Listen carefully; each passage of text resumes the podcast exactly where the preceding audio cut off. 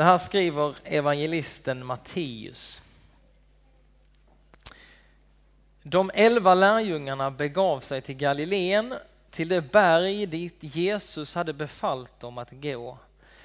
När de fick se honom där föll de ner och hyllade honom. Men några tvivlade. Då gick Jesus fram till dem och talade till dem. Åt mig har getts all makt i himmelen och på jorden. Gå därför ut och gör alla folk till lärjungar. Döp dem i Faderns och Sonens och den helige Andes namn och lär dem att hålla alla de bud jag har gett er. Och jag är med er alla dagar till tidens slut. Så lyder det heliga evangeliet. Lovad vare du Kristus. Vi tror på en treenig Gud, Fader, Son och helig Ande. Och idag befinner vi oss på heliga trefaldighetsdag på kyrkoåret. Alltså kyrkoåret började med advent. Nu har vi firat våra tre stora högtider. Julen, påsken och så pingsten här förra veckan. Nu kommer det inte längre några högtider. Högtiderna är slut. Vi har firat klart. Och nu är det dags för oss lite att få reflektera och meditera över det som vi har varit med om. Det är träff, trefaldighetstiden som inleds idag och som pågår sen fram till nästa kyrkoår. Gud, han har gjort sitt. Nu är det upp till oss att respondera på detta. Vad innebär detta som Gud har gjort för oss? Och hur påverkar det våra liv? Hur påverkar det din och min vardag? Alltså julen som vi firade, att Gud kommer till oss. Han kom till oss, han blev som en av oss. Påsken, det som Gud har gjort för oss. Han har gjort allt för dig och mig. Han har gått hela vägen så vi kan bara ta emot det som han har gjort för oss. Pingsten förra veckan, det handlar om att Gud han är med oss han har gett oss sin helige ande så han vill bo inne i ditt och mitt liv med den helige ande. Alltså man kan säga nästan i och med pingsten så är det nästan lite slut med uppenbarelser. Gud har genom hela historien liksom avslöjat mer och mer om vem han är. Vi kan läsa om det i gamla testamentet, men så kommer liksom piken med Jesus Kristus och utgjutandet av anden på pingsten. Gud han har liksom avslöjat sig. Det här är jag. Och efter pingsten, efter allt det som Gud har gjort för oss, så börjar ju dock kristna och den första kyrkan började reflektera över vad, vad, Gud har gjort och vem han är. Och så försöker man liksom få ihop det här och få ihop Jesu undervisning också. Och då kommer man fram till den här läran, treenigheten som vi tror på. Treenigheten, det står inte i Bibeln det ordet, men för att liksom förstå vad, vad är det vi har varit med om, vad är det som har hänt? För att förstå de erfarenheter som de första kristna göra, gjorde, för att liksom för, förstå Jesu undervisning. Jesus han talade ofta, han talade om Fadern i himlen.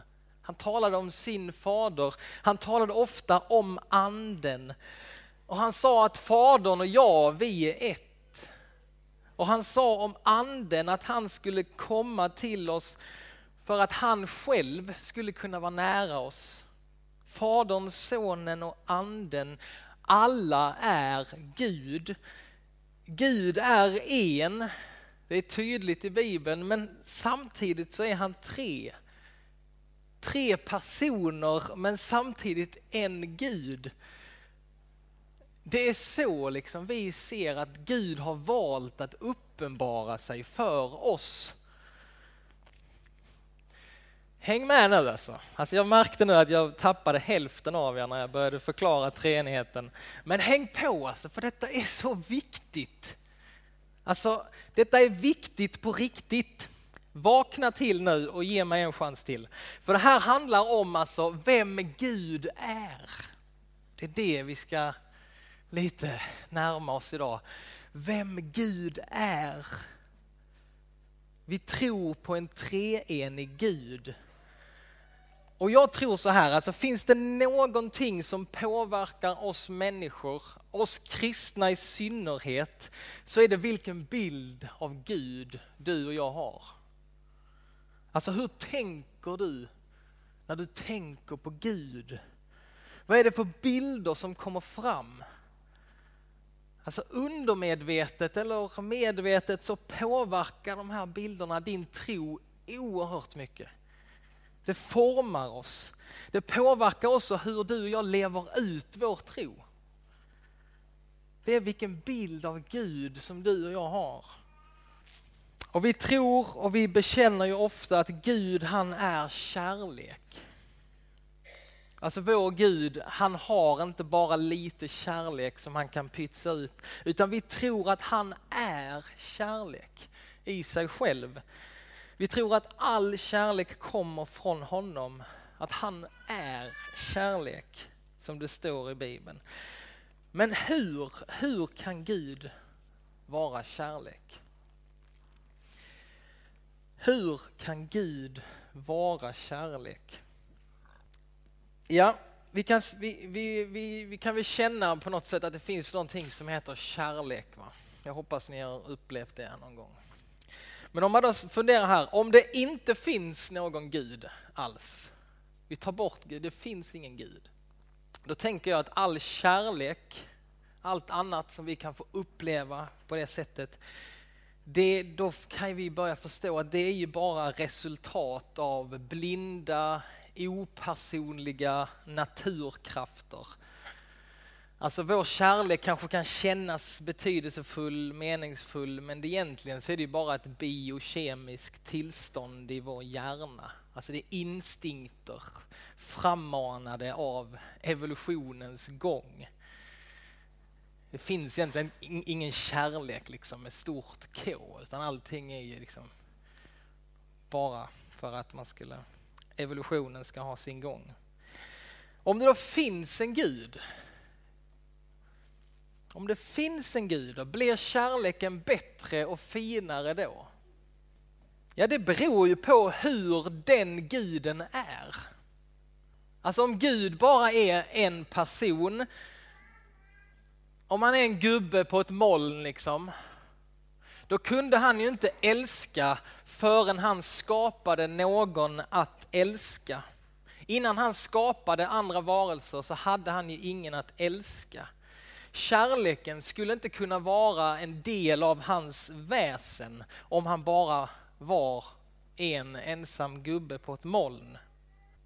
Men om, om Gud är en treenig Gud Alltså om Gud är gemenskap i sig själv, då kan vi liksom börja förstå att ömsesidiga kärleksfulla relationer kommer från honom. För han är gemenskap i sig själv. Alltså han är kärlek.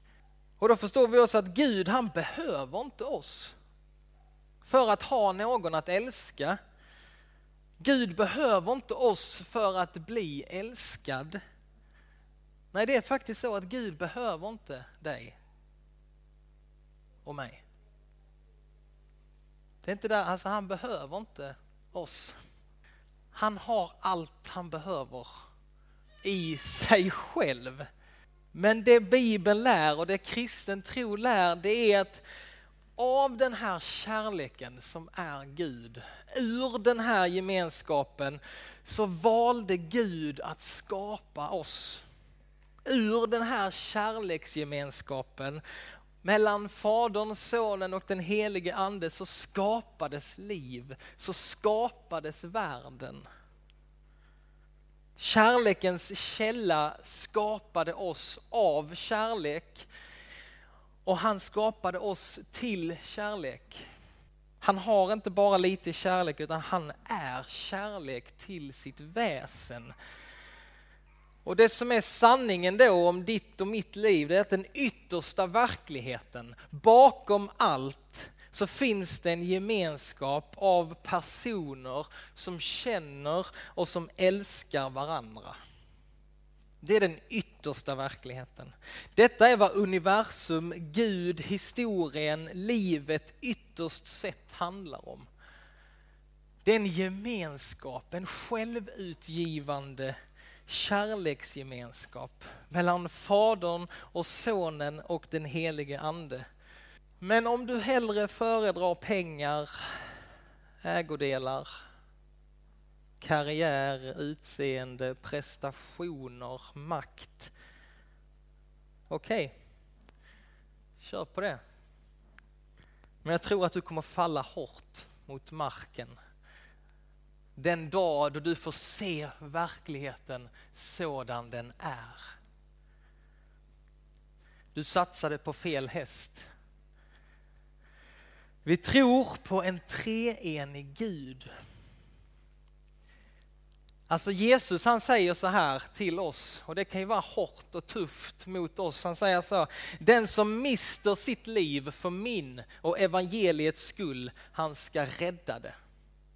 Han säger det, den som mister sitt liv för min och evangeliets skull, han ska rädda det. Alltså den som krampaktigt håller fast vid sitt eget, jag, mig och mitt, han kommer förlora sitt liv. Men den som väljer att sätta Jesus i centrum av sitt liv, den som lever för honom, för någon annan istället för sig själv, han ska finna livet. Alltså den som väljer att leva i kärlek. Och när Jesus säger de här orden till oss, ja men då återgav han bara vad Fadern, Sonen och den helige Ande har gjort i all evighet. De älskar, de lever för varandra i en ömsesidig, utgivande, kärleksfull gemenskap. Det är så Gud är. En utgivande kärleksgemenskap. Och jag tror att här ligger en stor del av lösningen också för att få en rätt självbild, för att få en god självkänsla. Att på något sätt få glömma sig själv. Att förstå att allt inte handlar om mig. Jag är inte historiens centrum. Utan istället få leva med Gud i centrum av mitt liv. Få bygga mitt liv på honom. För du och jag, vi är skapade för att vara med i den här gemenskapen mellan Fadern, Sonen och den helige Ande. Du är skapad av kärlek, du är skapad till kärlek och var med i den här kärleksrelationen. Vi är skapade för utgivande kärlek, utåtriktad kärlek. Alltså självcentrering, navelskåderi, det fördärvar, det förminskar det som Gud har skapat. Det är på något sätt Alltså vill du uppnå allra största glädje och kärlek i livet så är det att få inrikta, helt, inrikta sig helt och hållet på honom istället för mig själv. För jag tror att Gud, han är den lyckligaste av alla varelser i universum. Gud, han är den lyckligaste. Och han är inte det för att han är självcentrerad och upptagen med sig själv, utan för han i sitt väsen så är han självutgivande kärlek. Synden gör oss stillastående, synden gör oss självcentrerade, synden gör oss tråkiga. Evangeliet vill befria dig och mig till ny rörelse, till ny frihet. Att veta att vi är älskade och att vi, är, vi har kapacitet att älska så mycket mer än vad vi tror.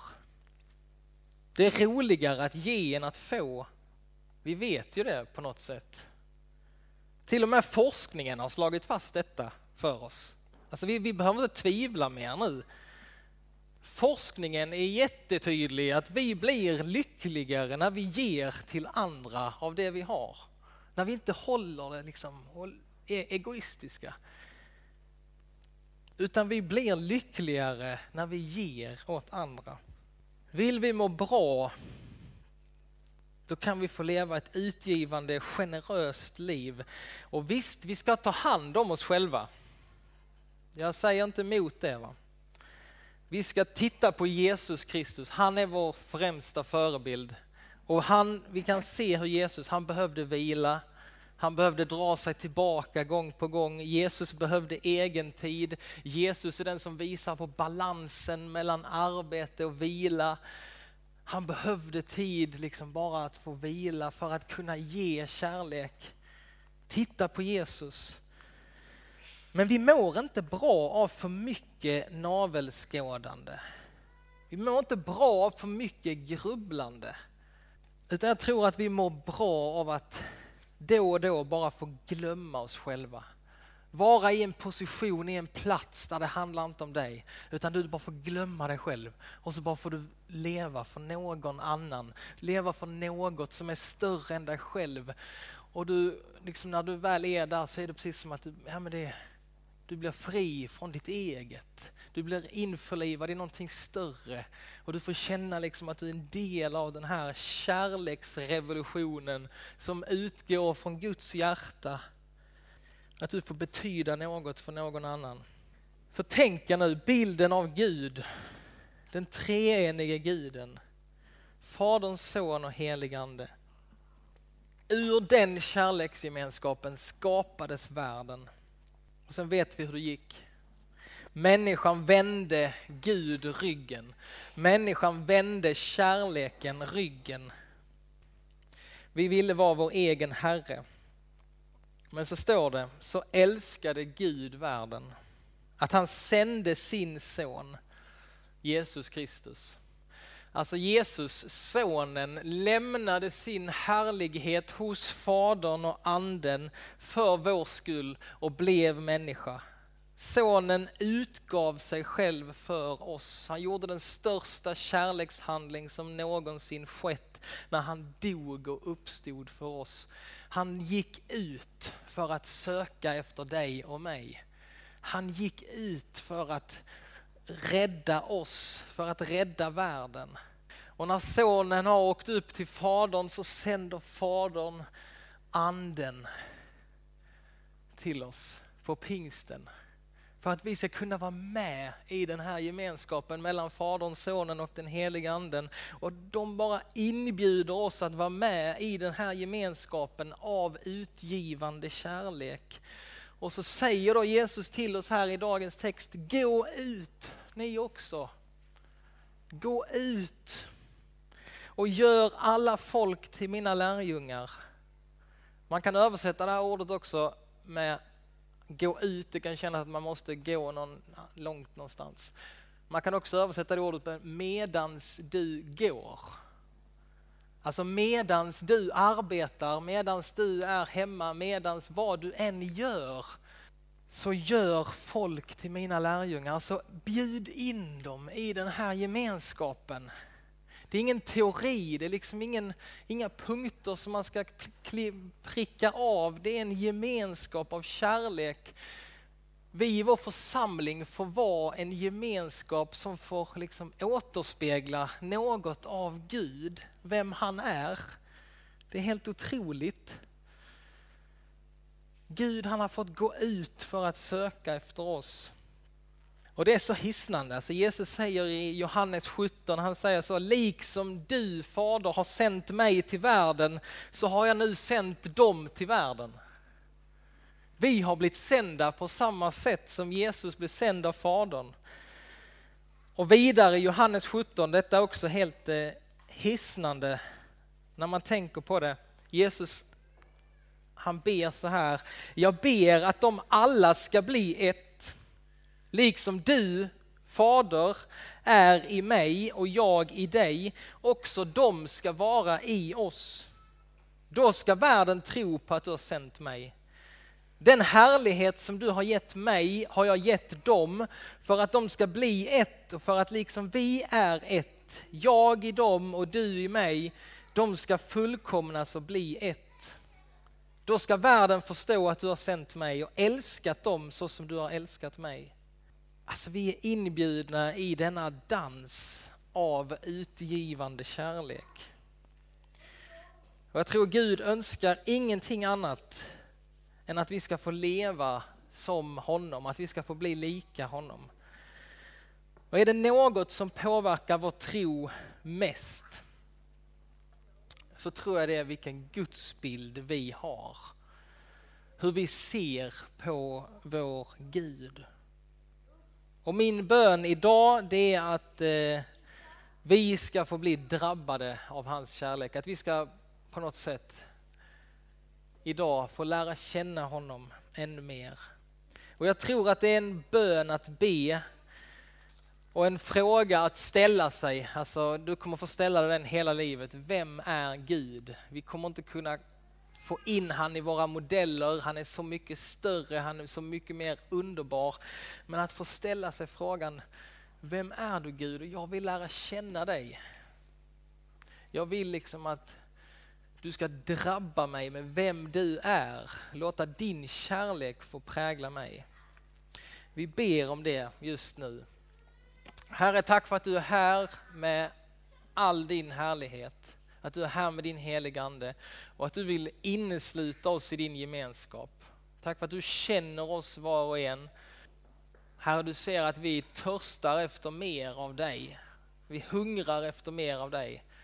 Och vi vill vara dina händer och fötter. Vi vill att dina, din kärlek ska strömma genom oss ut i den värld och de människor vi möter. Herre, låt oss få lära känna dig ännu mer. Drabba oss Herre, med vem du är. Amen. Tillsammans så får vi nu stå upp och så får vi bekänna vår tro på Fadern, på Sonen och på den helige Ande. Vi tror på Gud Fader allsmäktig, himmelens och jordens skapare. Vi tror också på Jesus Kristus, hans enfödde son, vår Herre, vilken är avlad av den helige Ande, född av jungfrun Maria, pinad under Pontius Pilatus, korsfäst, död och begraven, nederstigen till dödsriket, på tredje dagen uppstånden igen ifrån de döda, uppstigen till himmelen, sittande på allsmäktig Gud faders högra sida, därifrån igenkommande till att döma levande och döda. Vi tror också på den helige Ande, en helig allmännelig kyrka, det heliga samfund, syndernas förlåtelse, det dödas uppståndelse och ett evigt liv. Amen.